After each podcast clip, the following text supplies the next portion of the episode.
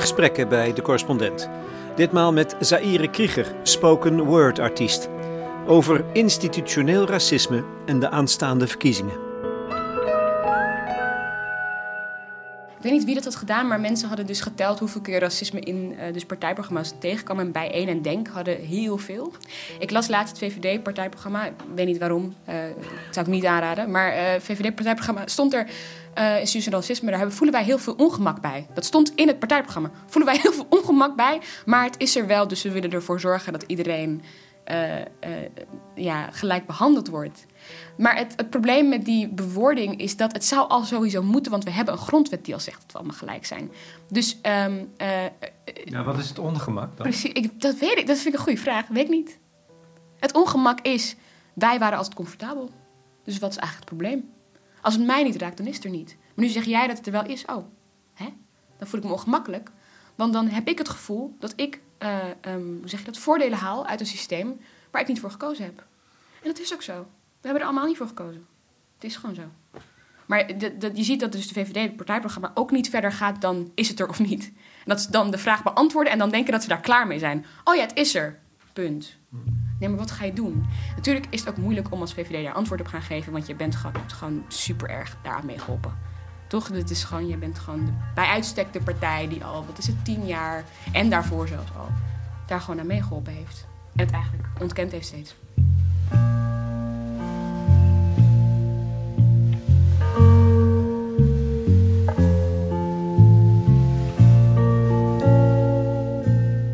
Institutioneel racisme.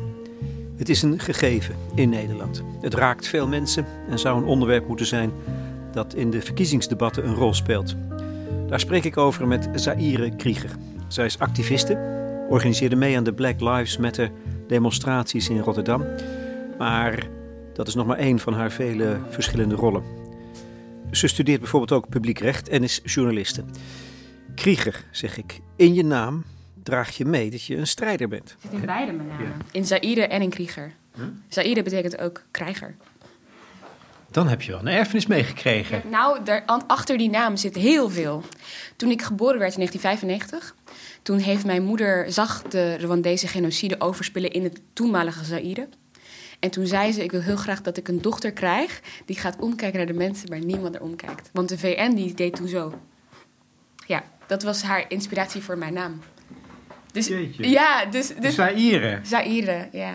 Dus mijn moeder die was eigenlijk de visionair voor mijn levensloop. Die zag dat aankomen. Die zegt, ja, die moet iets met mensenrechten gaan doen. En uiteindelijk ben ik ook soort van uitgekomen bij de VN. Uh, eh, door een jongere werkgroep toen de tijd. Maar ben ik ook een beetje disillusioned geraakt over de werkwijze. Toen ik studeer nog wel internationaal recht. Maar ik weet wel dat ik daar niet ga eindigen. Omdat ik weet dat de, de, de, waar mensenrechten gebeuren... niet per se in wetten en rechten zijn. Ja, en waar dan wel? Uh, op de vloer, tussen ons. Deze gesprekken, daar vinden die, die dingen plaats. Op, op het veld. En als je publiek recht studeert, kom je niet altijd op dat veld.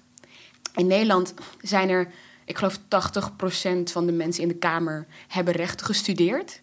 Um, en daar is een ongelofelijke gap tussen wat er op het veld gebeurt en wat er in de Kamer gebeurt. Wat, wat voor wetten mensen maken. En dat daar, ik, het is gewoon heel vreemd is gewoon hoe, komt, hoe komt dat dan, denk je? Want je zou zeggen, met hun bagage zijn ze in staat om ja. juridische blik op bijvoorbeeld institutioneel racisme te laten vallen. Ja, maar dat is, dat is, een, het is een, ehm, een hele statische kijk op de wereld. Je moet je voorstellen dat uh, wij hebben in Nederland allemaal verschillende mensen. Van een, een, uh, een loodgieters tot journalisten, tot kunstenaars, tot dansers allemaal verschillende mensen die, die, en die, dus je stenen leggen in de ochtend, op de, op de, dat je de straat maken. En die hebben allemaal belangen. Maar er is maar één groep, eigenlijk een hele kleine groep mensen, die beslist hoe die mensen hun leven eruit gaan zien. En dat is fucking raar. En wat het nog vervelender maakt, is het moment dat zulke mensen, zo'n zo, zo uh, partij als bijeen bijvoorbeeld, op het moment dat zulke mensen uh, in de uh, politiek proberen te komen, dan gaan er allemaal ratten draaien en dan komen die mensen erachter: hé, hey, wacht eens even, hier is eigenlijk niet zoveel ruimte om mens te zijn. Romana Vrede had, had een tijd geleden iets gezegd. De actrice. Actrice, maar ook de lijstduur van Bijeen. Die had iets gezegd over haar zoon, want ze heeft een, een erg autistische Charlie. zoon. Dat klopt.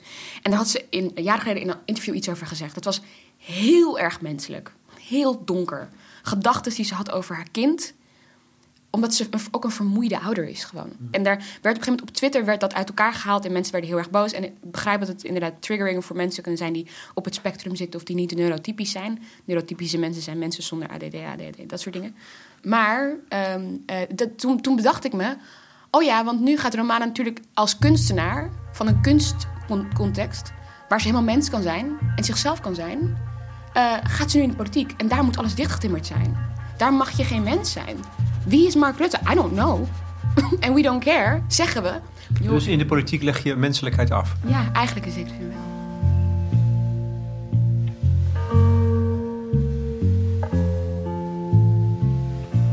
If we merge mercy with might and might with right, then love becomes our legacy and change our children's birthright. So let us leave behind a country better than the one we were left with every breath from my bronze pounded chest. We will raise this wounded world into a wondrous one. We will rise from the gold limbed hills of the west. We will rise from the windswept northeast where our forefathers first realized revolution. We will rise from the lake rimmed cities of the Midwestern states. We will rise from the sun baked south. We will rebuild reconcile, and recover in every known nook of our nation, in every corner called our country. Our people, diverse and beautiful, will emerge battered and beautiful. When day comes, we step out of the shade of flame and unafraid. The new dawn blooms as we free it. For there is always light if only we're brave enough to see it, if only we're brave enough to be it. Ze maakte diepe indruk, de jonge zwarte dichteres Amanda Gorman, tijdens de inauguratie van Biden in januari. Ik vraag aan Zaire Krieger wat ze dacht toen ze dit zag en hoorde, deze spoken word bijdragen. Oh. Ik, luister, ik ben, een, ik ben een hele technische schrijver. Dus ik luister alleen naar haar trucjes. Ik luister, ik, ik, ik, ik ik, I see greatness, toch? Ik zie het, ik, ik voel haar. Ze heeft een paar lines gegooid waarvan ik dacht, oeh, that's nice. Justice isn't always what just is. Oeh, beautiful. Um, maar ik zie ook, ik voelde ook um, uh, verdriet. Omdat ik dacht, um, hier is geen ruimte voor in Nederland. Ah. Zou jij... Daar wel, maar hier niet. Ja. Ik denk niet, ik, denk, ik weet eigenlijk niet of wij ooit, uh, als we een nieuwe koning zouden hebben, ah, misschien Typhoon. Ja, misschien. Ja, die heeft, al, die heeft al voor, de ko voor het vorsthuis opgetreden. Dat, dat, is, dat is waar. Uh, en ook heel op een hele uh, uh, ja, filijne wijze, toch nog wel ergens een beetje de, de vraag over ras er toen ingewerkt, weet ik nog. Maar er is niet zo heel veel ruimte daarvoor hier in Nederland. Um, ja. Om precies wat te doen? Want wat, wat, hoe lees je dan wat zij daar deed bij die inauguratie van Biden? Om, om politieke spoken word op hele grote podia te voeren. Dus toen ik zei op Twitter van jongens, er zijn zoveel spoken word artiesten. Je hebt mij, je hebt Patrick Ribeiro, je hebt uh, Dirk Otte, die is ook wel wat groot. Bab Schons, Lisette Maneza. Dat zijn mensen die horen, die horen wij allemaal te kennen. Die horen we allemaal op stage te zien. Uh, um, en toen zei er iemand, ja, er is weinig politiek geëngageerde spoken word. En toen werd ik boos, want ik dacht: nee, die zijn on the fringes. Die zijn on the fringes al jarenlang bezig te bouwen. Maar die krijgen die space nooit op hele grote podia. Je kreeg die ruimte wel van uh, Spijkers op Koppen. Ja. Om daar een soort spoken word reactie op te geven. Die is ook heel mooi, vind ik. Nederland, ik wil van je houden. Ik wil je land loven en je bressen bouwen. Maar na pandemie, schandalen en complottheorieën schijnt dat de touwen die onze leving samenhouden eigenlijk van zijde zijn. En je kiest tien jaar hetzelfde. Oude wijn en nieuwe zakken. Oude mannen in nieuwe pakken.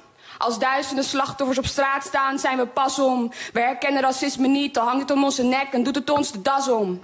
En we zetten de armen tegen de wand en dan de armen tegen de migrant. En om BV Nederland te laten lopen moet alle dorre hout verbrand.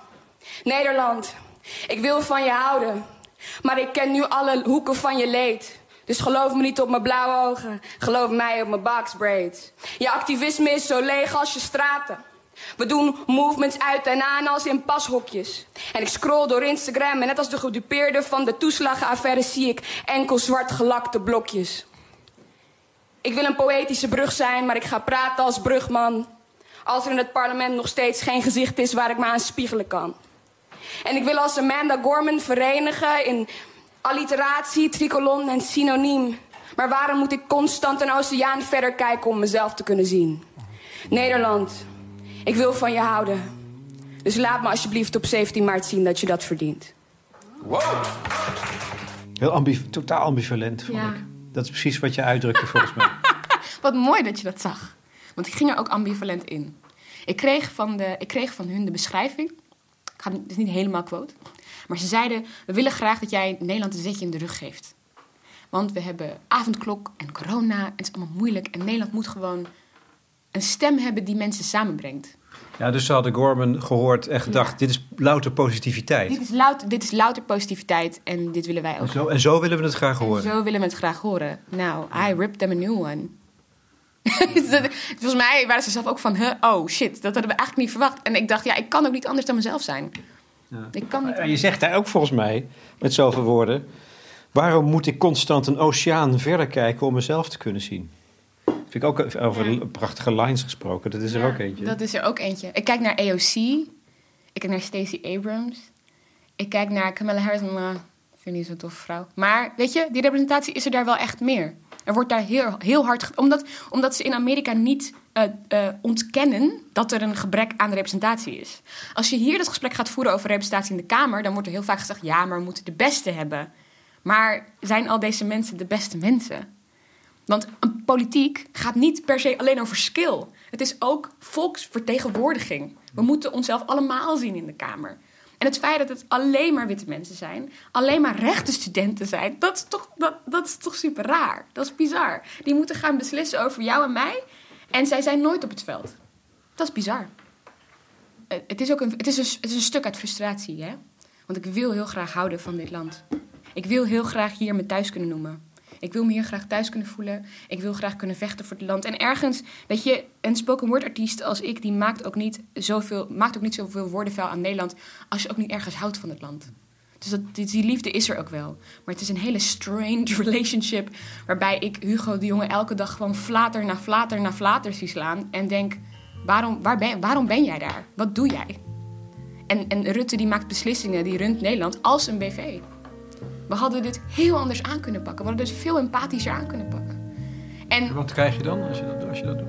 dan ga je redeneren vanuit de zwakste in de samenleving. Dan ga je niet KLM je laten chanteren en zeggen: eh, ja, ja, doe maar, blijf maar open. Dan sluit je het land omdat je weet, we gaan, moeten de sterkste beschermen. Southern trees bear a strange fruit.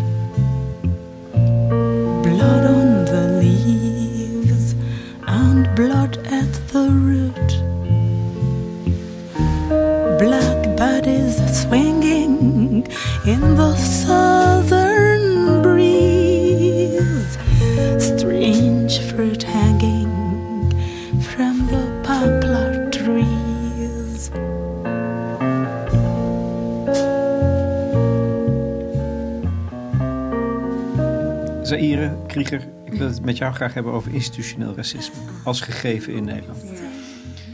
In de aanloop naar de verkiezingen. Zou het een thema moeten zijn? Eh, eh, ja, maar de vraag is hoe snij je dat aan? Dat is meer hoe ik hem eh, wil insteken.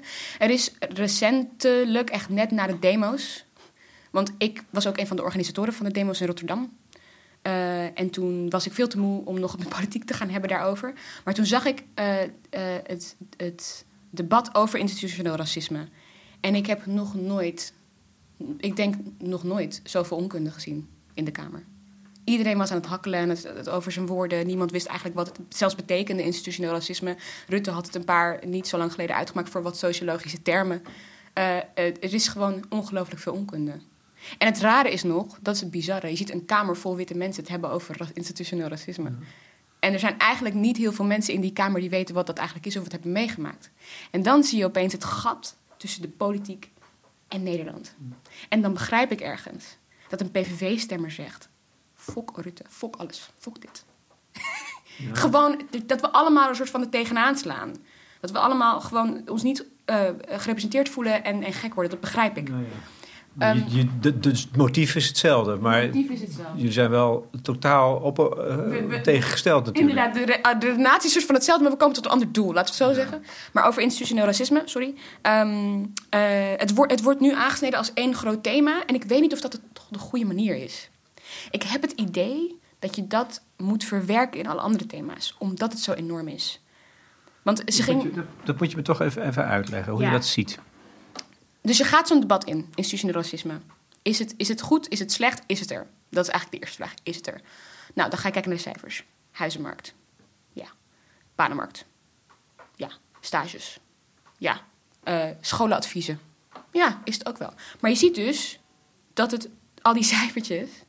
ehm, als je dat gaat proberen te behappen als één groot thema... dat is bijna niet te doen. Dus eigenlijk het moment dat jij een debat gaat hebben over... hoe gaan wij de huizenmarkt of hoe gaan wij de zorg indelen... je, je moet per thema eigenlijk gaan kijken... zit hier bias in?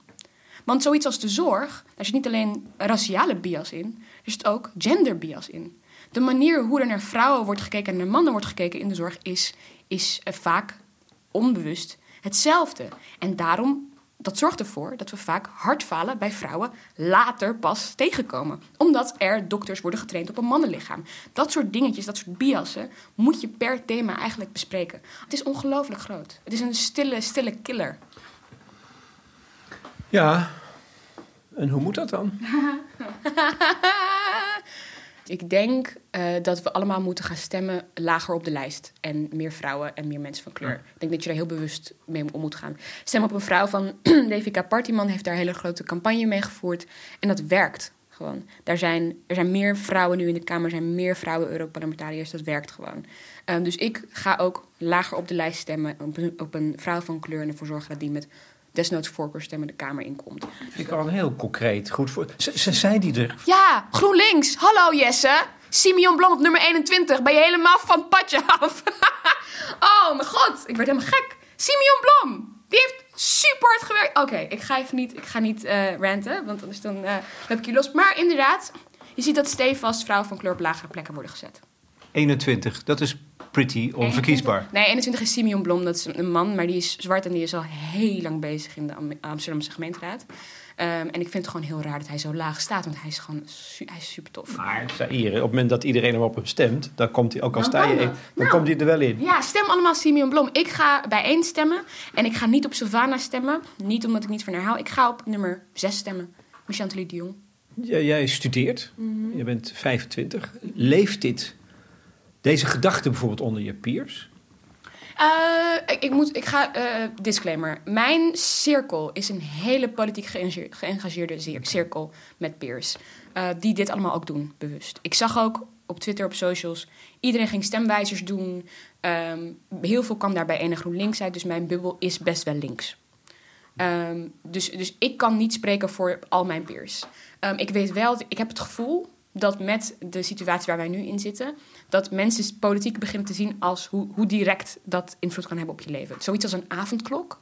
De politiek kan beslissingen maken over wanneer jij uit je huis gaat. Dat zijn hele directe beslissingen.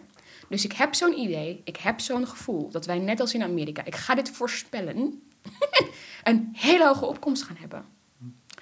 Als wij het stemmen goed geregeld hebben, met maar poststemmen en weet je, corona, dat soort dingen, denk ik dat wij een hele hoge opkomst gaan hebben. Vooral onder jongeren. Want ik denk dat jongeren nu zien, eenzaamheid onder jongeren, eh, psychische problemen onder jongeren tijdens corona is heel erg heftig. Dus ik, ik, ik hoop en denk dat de opkomst heel erg hoog gaat zijn en dat mensen heel veel gaan stemmen. En dan kun je dus ook langs deze weg hè, concreet verschil uitoefenen. Ja, door echt te kijken naar wie is er op de lijst. Hoe wil, ik, hoe wil ik dat de Kamer eruit ziet? Ik ga op die persoon stemmen en ervoor zorgen dat die erin komt. Ja. Dan verschiet die Kamer van kleur. Laten we het hopen. Ik heb, ergens, ik heb ergens ook een beetje medelijden met de mensen van kleur die er naar maart in gaan komen. ja, Nou ja, dat, dat, dat, zijn, dat zijn toch de strijders dat ook. gaan, die mensen gaan heel veel wind vangen. Maar er moet, één, er moet één beginnen, zodat er meer kunnen komen. Er moet iemand de eerste zijn, toch? En dan, unfortunately, that's going to be you. Michel de Jong, Sylvana Simons. eh Kautar Bouchalit. Weet je? Dat zijn de mensen. Kautar Bouchalit trouwens GroenLinks. Eerste eh, vrouw met een uh, hoofddoek. Die we in de Kamer gaan krijgen waarschijnlijk. Ik hoop het wel. Zou heel tof zijn. En, en als je het spectrum bekijkt, ehm, eh, zijn er überhaupt eh, kandidaten van kleur? Eh, of zelfs eh, kandidaten van kleur en vrouw bij andere partijen? Of moet je, zitten die werkelijk alleen? Oh, dat weet je niet. Dat weet je niet. Nou, alleen aan de linkerkant. eigenlijk alleen aan de linkerkant. Ik heb En er... D66 bijvoorbeeld in het midden. Ik ga nu kijken. Op de telefoon. Op de telefoon. eh, D66. eh, lijst. Lijst. Oké. Eh, Sigrid Kaag natuurlijk op nummer 1 met haar sneakers. Ik zie dan, oh, wat moeilijk. Lubach had hier een item over gedaan dat het heel moeilijk is om te zien wie, je, wie er eigenlijk. ehm, Ja. Ja, Selma Belhaj is nummer 6 bij D66. Dat is volgens mij een vrouw van kleur, de eerste zwarte persoon. Marokkaans-Nederlandse. Uit Rotterdam, hè? Is dat zo? Ja. Oh, wat leuk. Jorien Wuiten, nummer 20. Dat is de, dat is de eerste zwarte persoon. Het is, het is karig. Weet je, het is zeker karig. Als je het vergelijkt met het procent, het procent aantal mensen van kleur die er in Nederland zijn... versus hoe dat er op kieslijsten uitziet, is het wel onder de maat. You be making me feel like I'm lonely, baby. And I don't know what I did wrong. I don't know why. Lately I've been driving myself crazy, baby. Oh. Girl, you left me all alone. Did I forget to feel everything is falling down, baby? This Jij ademt uit je poriën activisme. en een soort snelle, snelle woede. Ja, ja hele snelle woede. Ja. En, en ehm, je reageert op Twitter soms ook behoorlijk scherp. Eh, Even, een- een reactie was ehm, op de SGP bij, bij Buitenhof, om maar eens iets te noemen. Wat heb ik gezegd? Wat heb ik gezegd? Dat je met kots in je mond wakker werd. Nou, dat werd ik zeker. Luister dan. Jij hebt een item. En dat item gaat over families. En over kinderen baren. En in Hongarije doen ze het zo goed, waar daar betalen ze mensen om te baren. Dan krijg je een extra geld als je een vierde of vijfde kind neemt. En eh, dan ziet, letterlijk in dat interview zegt iemand in Hongarije: Ja, wij willen geen migranten die ons land opvullen. Dus wij moeten zelf onze vrouwen, baarmachines, baar. Dat is toch. Dat, dat is toch Maar de SGP verwees daarnaar als een goed voorbeeld? Wees daarna als een goed voorbeeld. Want we willen niet dat migranten eh, dat gat opvullen. Dat, dat, dat is toch. Dat... Ja, het goor. Ik vind dat goor. En dan noem je jezelf een christelijke partij. Een christelijke partij. We hebben het nog niet eens over Moria gehad. Dan, ik ben echt ziedend nog steeds daarover. Als je op Instagram Now You See Me Moria volgt, hoe hun tenten er nu daar uitzien. En wij noemen onszelf de christelijke, joods-christelijke traditie. Wat, wat, wat is die joods-christelijke traditie eigenlijk nog waard? Omdat daar die, die tent aan flarden geblazen zijn door de wind. Het is echt, het is echt pijnlijk. Het doet me oprecht pijn. maar maak, je, maak jij van die, van die pijn iets constructiefs? Ja. Is dat wat je... Ja, 100. Ja, zeker. 100%. Ik denk dat het boosheid... En ik, ik moet zeggen dat ik- toen ik begon met spoken word schrijven... toen was ik boos over alles. Ik ben nog steeds boos over alles. Maar toen schreef ik alleen maar uit boosheid. En op een gegeven moment kwam ik erachter dat boosheid eigenlijk een hele primaire emotie is... die heel veel onderliggende emoties heeft. Dus onder boosheid zit pijn en verdriet en frustratie en wanhoop... en ergens toch ook wel een beetje hoop. Want boosheid uit je niet als je ergens niet de hoop dat het beter kan. Want anders dan ben je apathisch. Dus die boosheid begon ik een beetje meer te ontleden. Dus ik schrijf nu vanuit meerdere invalshoeken. Iets meer uit pijn, iets ook meer uit hoop. Ik wil nooit een stuk schrijven waar mensen niet weg uitkomen met toch een klein beetje hoop of een actie. Dus dat, dus dat punt van ik wil dat jullie me laten zien dat jullie mijn liefde verdienen in Nederland, 17 maart, is een hoopvolle roep tot actie. Dat is het meest hoopvolle dat ik kan zijn over Nederland. Dus ik, eh, ik schrijf boosheid, boosheid en ik probeer te schrijven, nu dat is een lang proces, uit liefde. Oh, oh dat is moeilijk. Ik probeer echt uit liefde te schrijven. Want iemand zei ooit tegen me, volgens mij was het Cory Bush... rechtvaardigheid is publieke liefde. Ja. Justice is love publicized. En als, als, ik dat, als ik niet uit liefde kan schrijven en uit liefde activisme kan voeren, moet ik het eigenlijk niet doen. Anders ga ik opbranden. Ik moet houden van voor wie ik strijd. En ik moet meer houden van de mensen voor wie ik strijd, dan dat ik de mensen die, ik, die het niet goed doen haat. Dus ik moet meer houden van de personen in Moria, dan dat ik Mark Rutte en zijn onkundige aanpak van deze corona-epidemie haat. En dat, die balans is er niet altijd bij mij. En daar struggle ik intern heel erg mee. En wat je op Twitter ziet, is die struggle. Dat is wat je ziet. Het is ook grappig, Oh maar het is ook een struggle waar ik mee zit. Dus Wat zie je dan als noodzakelijk nu? Ja. voor de komende tijd, binnen of buiten de politiek? Wat moet er dan gebeuren? Ik denk dat. Ik ga proberen dit zo goed mogelijk te worden. Wij moeten stoppen in de publieke ruimte. Als ik het heb over de publieke ruimte, bedoel ik niet de Tweede Kamer. Dan bedoel ik eigenlijk ook tv-programma's. De talkshows. Weet je, de, de, de talk. In dat soort programma's moeten, moeten redacties ervoor gaan zorgen dat wij niet meer gewoon stoppen met de vraag of racisme of institutioneel racisme er is. Want het is een afleiding. Je, je lost het probleem niet op als je steeds gaat afvragen of het probleem er wel is. Dat hele gesprek moeten we niet meer gaan Zie je voeren. dat in de journalistiek gebeuren? Constant. De hele tijd. Was dat hele debat met Jort Kelder over institutioneel racisme op tv?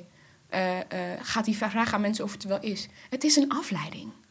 Het is, het is, dat is niet waar we moeten het gaan hebben over hoe gaan we ervoor zorgen dat ik een huis kan krijgen. Hoe gaan we ervoor zorgen dat als een verhuurder kiest, dat hij niet discrimineert op wie hij aanneemt? Wat voor een beleid kunnen wij daarop voeren? Moeten we ze boetes geven? Dat, soort, dat zijn interessante vragen, toch? Ja, die je ook politiek zou kunnen vertalen. Die je? politiek zou kunnen vertalen. Eh, en over, da- daarover wil ik het hebben. Op tv. Ik wil, dat- ik wil dat, er, dat er experts op tv komen over wat is de beste manier om ervoor te zorgen dat iedereen, eh, ongeacht kleur, een huis krijgt. Dat iedereen veilige huisvesting krijgt. Dus die eerste vraag moet je consequent overslaan. Die moet, die moet gewoon, het is gewoon klaar nu. Alsjeblieft, Jort, Margriet, iedereen, klaar. Something in me hopes that you still love me, baby.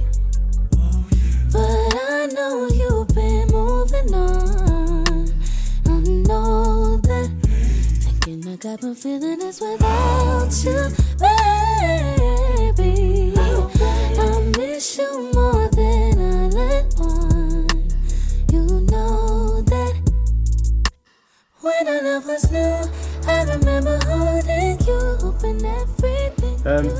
Ik een interessant onderwerp vind is identiteit en identiteitspolitiek. Oh god, oh. Is dat, last, is dat een lastige? Nee, ik vind het heel leuk. Let's, let's talk about it. In, in het begin begreep ik dat nooit. Identiteitspolitiek, wat dat dan precies was. Het is, het is een afleiding.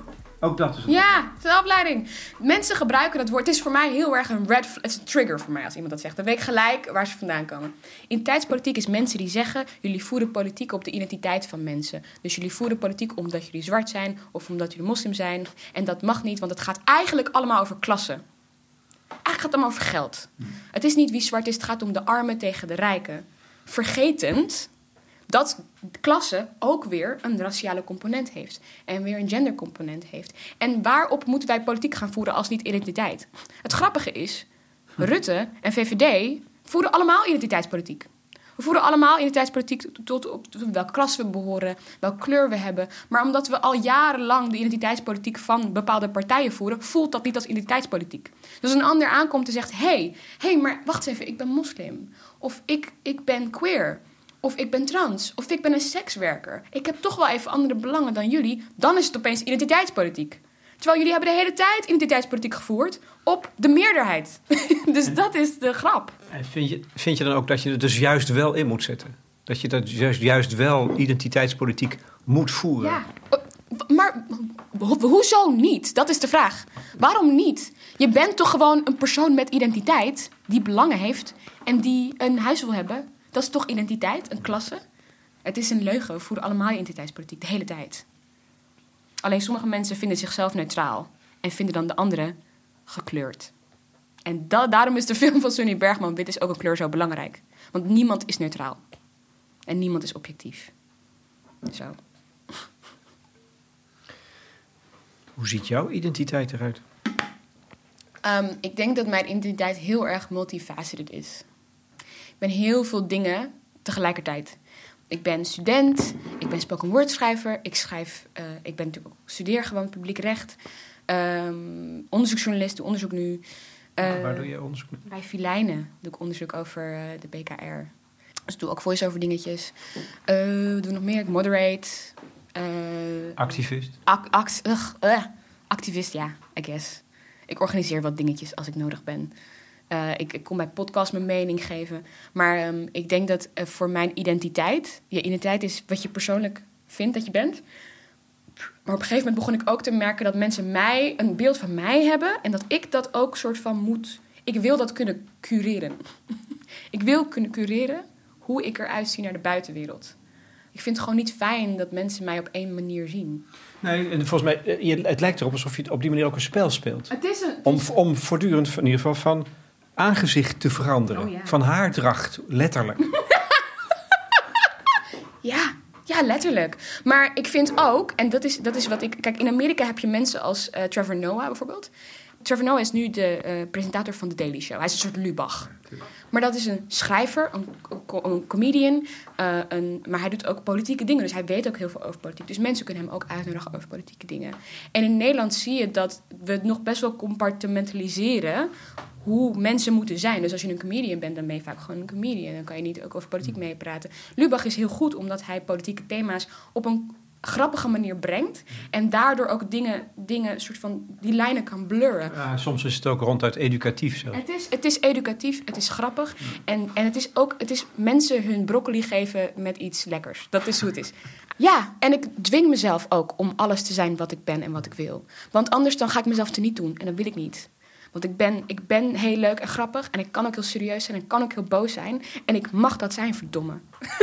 en ik mag het ook in mijn werk allemaal doen. En dat moeten meer mensen doen. Maar, maar dat is de vraag die ik mezelf stel: kan jij je, je vak nog steeds serieus, eh, serieus nemen als jij oprecht uit dat jij kots in je mond hebt wanneer je de SGP eh soort van licht, licht nazi-light dingen ziet zeggen?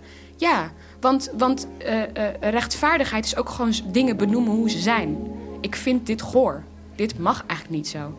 En ik vind eigenlijk, en dat is misschien voor de juridische kant, ehm, als advocaat voor mensenrechten hoor je eigenlijk ook en dat is de slippery slope, hoor je eigenlijk ook een beetje een activistische kant te hebben.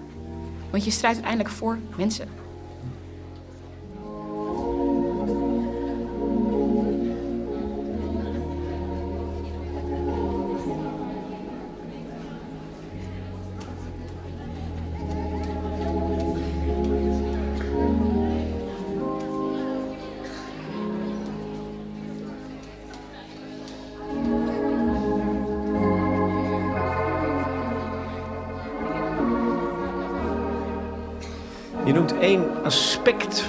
Identiteit niet net in dat lijstje. Wel allemaal functies, maar jij bent ook gelovig.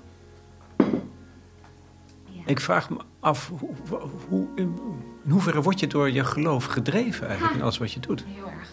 Ja, dat is dat echt. Dat is, dat is waarom ik geloof.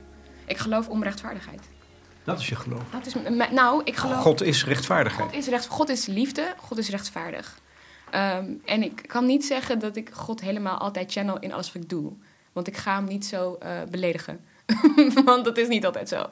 Ehm, maar de persoon die Jezus was, daar was ik als kind heel erg in, eh, door geïnspireerd. De manier hoe hij met mensen omging. De manier hoe hij met sekswerkers omging. Met vluchtelingen. Met kinderen. Met mensen die, waar niemand omkeek. Dat is hoe ik geloof. Maar het vervelende is dat er zoveel partijen zijn die zichzelf... Ik moet wel zeggen, ChristenUnie doet het wel echt beter hoor dan, dan de andere christelijke partijen. Maar een CDA en een SGP, dan denk ik, jongens... Dit is, niet, dit is niet het christendom wat ik heb meegekregen. Mijn moeder noemde me ook Saïre omdat zij ook gelooft. En zij, zij, zij, zij, dat is ook haar, haar idee bij geloof, is rechtvaardigheid en liefde. Dat is hoe wij ons geloof in hebben gestoken. Maar eh, ik, ik vind die aansluiting in geloof niet bij heel veel partijen. Worstel je er wel eens mee met dat geloof in de context van het debat waar wij over praten? Of überhaupt in. eh, in nou, je bent ook een, woedende persoon van 25. Nee, maar wo- Ah, ik ben een woedende persoon van 25. Dat is ik zie daar op je bord staan: Stop worrying, Ja. God, God is love. Ja, er staat, er, staat, er staat heel veel op dingen die ik moet onthouden. En eh, dit is even voor de mensen die luisteren. Ik heb een enorm whiteboard aan mijn muur. En dat komt omdat ik ook lichtelijk een soort van ADHD-trekjes heb. En als ik dingen niet opschrijf, dan vergeet ik ze ook. Daarom staat er ook een enorme klok tegenover mijn desk. Want dan kan ik de tijd ook mee. Want anders dan, dan ik heb geen sense of time. Ehm, maar ik worstel er niet echt mee, niet meer. In de eerste jaren, toen ik christen was, toen ik ongeveer 16 was, toen dacht ik, oh, God, geloof, oeh, moeilijk, oh, homo's. eh. Terwijl, daar ben ik Maar nu... wat is er gebeurd dan in, in- in- op dat traject? Ik ben gewoon, ben gewoon God tegengekomen zoals die is. Waar? In- hier in mijn kamer. Gewoon hier in mijn kamer. God tegenkomen. Gewoon liefde, dat is wat ik ben. That's it. Is niet Je zo zag, het is wat mensen het licht noemen. Ja, het licht. Nee, ja, maar dat is toch een soort Ja. besef, inzicht. Ja. Er zit natuurlijk ook het woord licht in. In, een inzicht en ook heel erg... We hebben allemaal een onderbuikgevoel. En ik begon het onderbuikgevoel te niet per se te zien als een, een, een, een, ja, een klein stemmetje, maar dat is ook God. Dat is ook God. Het moment dat jij je, je purpose in het leven vindt, je creatie, het schrijven, wanneer ik spoken woord schrijf, voel ik God.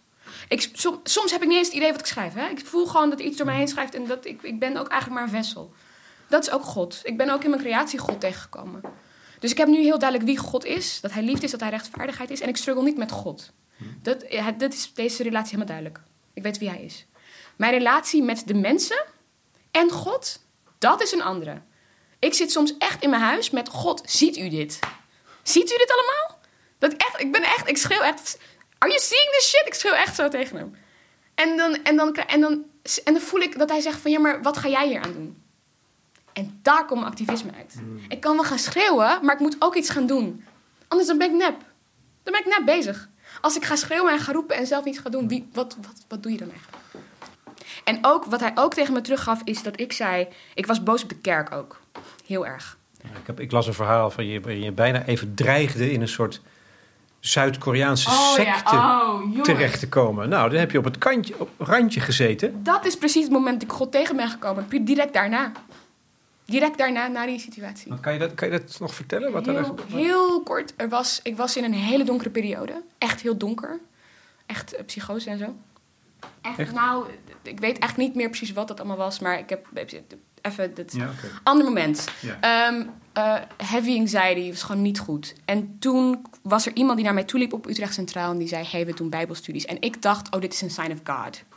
En ik ging daarin en ik ging tegelijkertijd naar een andere kerk... Ehm, en ik merkte dat deze kerk die mij had, eh, eh, zeg maar, had aangesproken op het Centraal Station... dat die heel erg possessive werd over mijn tijd. En over dat ik altijd moest komen. Ehm, en dat zij dingen zeiden over de Bijbel en over God waar ik het niet eens mee was. Dus eh, over gender of over seksualiteit.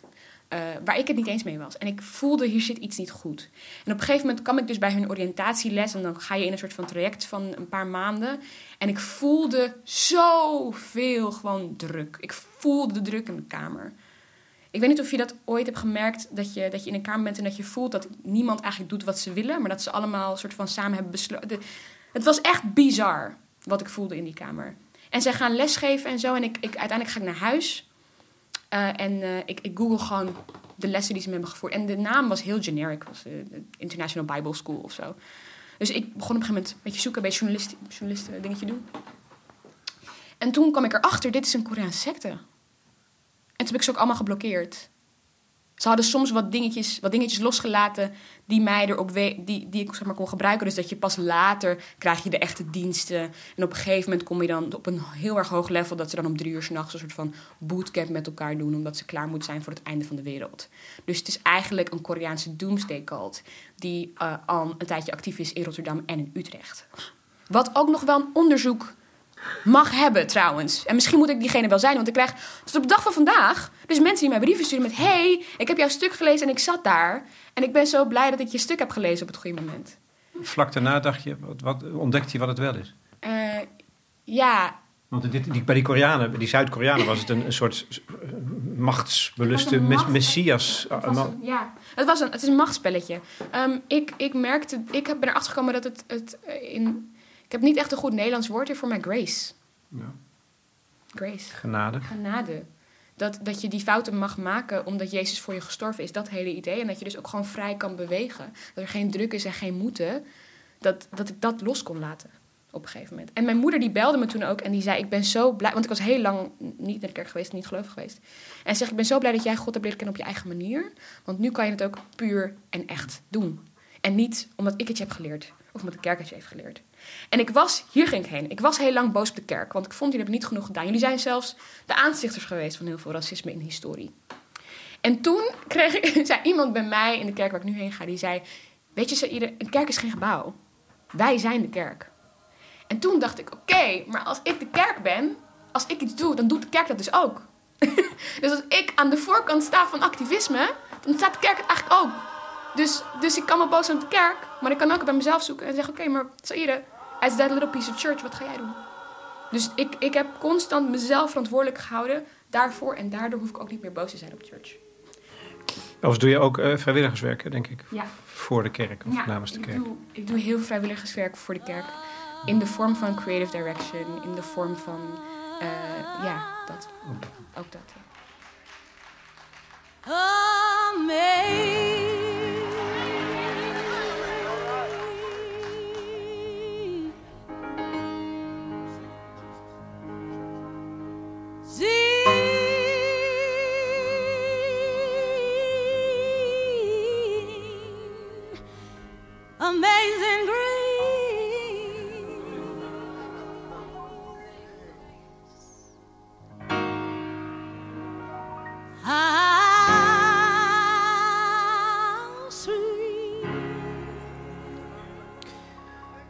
Institutioneel racisme vraagt om meer representatie als antwoord. En om identiteitspolitiek in alle diversiteit. Maar als identiteiten zo versplinterd zijn, of beter gezegd gelaagd, gefacetteerd, hoe werkt dat dan precies? Ik denk dat daar het begrip intersectionaliteit in beeld komt. En dat is het derde grote onderwerp van dit gesprek met Zaire Krieger in het licht van de verkiezingen. Is ook een lastige. Daarom grijp ik even terug op een citaat van socioloog Willem Schinkel. Hij sprak erover op de campagnebijeenkomst van Bijeen. En dat is een partij die het begrip in haar vaandel heeft staan. Ik citeer: Wat in de Haagse politiek mist, is dit besef. Wie het niet over racisme wil hebben, is een klimaatcepticus. Wie het niet over mondiale opwarming wil hebben, voert een politiek van racisme. Wie niet een frontale aanval op de verschulding inzet, werkt in de burelen van het patriarchaat. En wie denkt dat de vrije woekering van de genders en de seksuele identiteiten niet in zijn belang is, heeft zich altijd al aan de orde van de schuld en de uitbuiting uitgeleverd. Oh, wauw. You go, Willem Schinkel. Beautiful. Spoken word. Pracht. Nee, echt. Nou ja. Even geraakt. Maar zo is het wel. Maar het, het probleem met intersectionaliteit is... je kan nergens beginnen, want het is overal.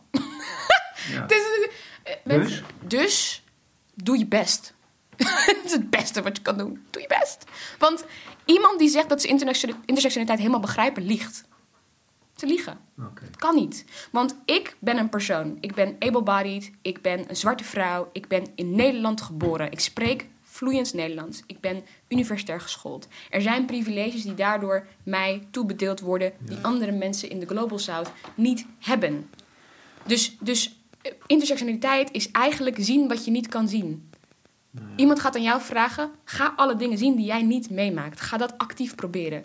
Dus het enige wat je kan doen om intersectioneel, intersectioneel te zijn, is actief steeds uit jezelf stappen en te kijken, eh, jezelf te bevragen. Is mijn ervaring wel eigenlijk de, de ervaring van iedereen? En dat is, dat, dat, het, het is bijna onmogelijk om helemaal intersectioneel te zijn. Daarom is vertegenwoordiging ook zo belangrijk. Als één persoon ons allemaal zou kunnen begrijpen, dan, zou- dan, dan, zou, dan zou alles perfect zijn. Ja, sure.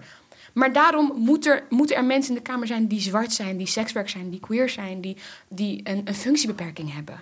Ja, ik, ik, er zijn natuurlijk mensen die zeggen binnen dat die het een, een harder standpunt innemen. Dus Ewald Engel is een voorbeeld van. En, en ik weet niet of Willem Schinkel daar zelf ook zo ver vandaan zit.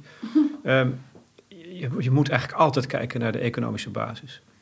In feite naar de verdeling van armoede en rijkdom. Ja. En, en daar, daar kun je alle andere onderscheiden aan relateren. Dat is niet waar. Maar dat is niet waar. Het is niet helemaal waar. Ehm, eh, kijk, economie. Is, het is grappig. Mensen, mensen die beschrijven economie als een soort van harde wiskunde. Alsof het, soort van, alsof het, soort van, eh, het is een, een harde wetenschap die altijd meetbaar is. Economie zijn beslissingen die wij samen met elkaar maken. Is waar wij waarde aan toebedelen. En het feit, het feit dat de tien rijkste mannen van deze wereld toevallig allemaal witte mannen zijn, is geen toeval. Dat is een vraag aan waar wij waarde aan toebedelen. Daar gaat economie over. En als je niet onderkent dat economie geen harde wiskunde is en eigenlijk gaat over waarde, wie wij waarderen en wie niet, dan mis je een heel groot deel van de picture. Als jij niet onderkent dat economie racialized is, dat de Global South inderdaad de, het, minste, het minste bijdraagt aan klimaatverandering, maar het meeste voelt van die gevolgen, dat is geen toeval. Dus ja. Jou, en jou, dat vind ik mooi dat je zegt, ja, je moet dus altijd jezelf afvragen, ja, wat zie ik niet? Ja, maar, dat, maar daar, dat is toch een paradoxale vraag? Ja, natuurlijk. Ja, Ja. dat kan eigenlijk niet. Maar dus daarom moet je eigenlijk altijd mensen om je heen hebben die jou kunnen wijzen op dingen. En je moet ook een hele eerlijke relatie met die mensen kunnen hebben. Waarbij mensen jou vertrouwen en kunnen zeggen van... hé, hey, maar Zaire, ik zit in een rolstoel. Jij treedt op bij die plek, maar daar is geen ramp voor mij om... Een heel simpel voorbeeld. Er is geen ramp voor mij om daar binnen te komen. Dus, dus, dus wat, wat kan jij mij daarbij helpen? Snap je, want het is natuurlijk wel een, een- een- vind ik een probleem, omdat al die debatten aan de hand zijn tegelijkertijd en ook altijd tegelijkertijd aan de hand moeten zijn. Ja, De neiging bestaat om je eigen debat als belangrijkste naar voren te schuiven. Het gaat over zwart en wit, of het gaat over arm en rijk, het gaat over man-vrouw. ja. En, en, en dat is een lastige, een listige neiging die we moeten zien te voorkomen, volgens mij. Dat is eigenlijk het is, het is, eh, de- en dat is er waar, Je- waar Jezus dan weer is. Jezus die zei, de grootste onder jullie is de kleinste. De grootste onder jullie, de, de, one who serves the most is the biggest in the kingdom of God. Het is een upside down kingdom. In Nederland, nee, hier zeggen wij, degene die het meest heeft is de grootste. Maar als wij allemaal zouden zeggen, als wij allemaal ons dienstbaar zouden opstellen tot de persoon die, die onder ons staat, dan zouden we een perfecte wereld hebben. En daar komt mijn activisme uit. Altijd dienstbaar blijven zijn. Dat lukt niet altijd hoor, maar probeer het wel. En ik denk dat de, de Tweede Kamer ook zo zich moet opstellen. Wij zijn dienstbaar aan mensen. Wij zijn dienstbaar aan de mensen die wij niet begrijpen. En we gaan ze proberen te begrijpen en proberen beleid te maken op deze mensen die chronisch ziek zijn, bijvoorbeeld. Die al een jaar thuis zitten. Als je, als je beseft dat er mensen zijn die al een jaar noodgedwongen thuis zitten. Ja, joh, ik, eh, ik, ik, ja. ik loop leeg als ik daaraan denk.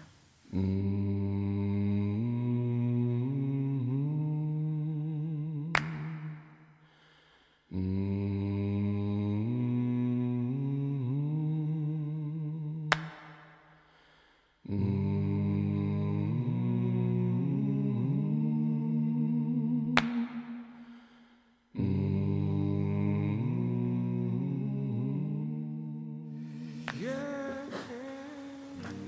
stond er nou op de, op de cover van One World. Als ik de wereld veiliger kan maken voor zwarte vrouwen, dan riskeer ik de schande. Oh joh. Heb jij zelf gezegd. Ja, heb ik zelf gezegd. Dus dat zover moet je willen gaan, denk ik. Ja. Ja. Ach, als je me hier weer aan herinnert. Het is wel goed dat hij daar staat. Er staat dat mijn cover daar in de, in de eh, vensterbank staat. Omdat het toch, dat is die dienst, ik ergens wel dienstbaar wil zijn. En ergens toch wel weet ook dat ik heel veel haat en wind ga pakken. Maar ik dat wel gewoon moet doen. Want als je niets riskeert, dan er staat zo. Ja. Maar dat geldt voor alle mensen die eh, het pad zouden willen volgen, vergelijkbaar met het jouwe, in de politiek. In de politiek, in het activisme, wherever je bent. Ja, ja 100%. Jazeker. Ehm Ik vind het overigens ook nog eens een prachtige foto. Hè? Je ziet er iets ouder uit dan je bent, volgens mij. Pleunie van Raak heeft een foto gemaakt. Hele mooie foto. Dit is gemaakt op Amsterdam Centraal. Vol trots. Ja, heel veel, heel veel trots. Eh, Ik sta voor wie ik ben. ja, ja. ja. Dit is trouwens niet echt mijn beste stuk. Ik weet eigenlijk ook niet waarom dit mijn eerste printstuk was. Maar eh, ja, dit stuk ging over Me Too. In verschillende communities, dus ook in Surinaamse communities. Eh, Wat ik heel moeilijk vind om over te schrijven. Want Nou, er zijn gewoon heel veel doofpotten. Over intersectionaliteit gesproken. Verschillende doofpotten in verschillende communities die Ja. elkaar kruisen. En soms niet. Dus als jij een, eh, een hashtag MeToo binnen de moslimgemeenschap wil aankaarten, is dat een heel ander gesprek dan in de, eh, in de, in de, in de business, in de bedrijfswereld. Een heel ander gesprek. Maar het is wel dezelfde uitwas. En dat is wa- waarom intersectionaliteit nodig is. Want het is hetzelfde overal, maar het heeft ander, anders aanzwengelen. Dus eh, ja, dat. we zijn er doorheen geraast. Ik weet wat je gaat stemmen. Ja, Misschien zijn er wel meer mensen die dat nu weten. ja, ik hoop het zo. Ik hoop zo dat we echt een ongelooflijk grote opkomst hebben. Dat we echt als gekken allemaal gaan stemmen en dat de politiek zich super bekeken voelt. Dat ze allemaal bang zijn, dat ze allemaal de druk van al die, die, die mensen, die democratie voelen op hun schouders en dat ze dienstbaar gaat zijn. Dat hoop ik. Dankjewel, Zaire.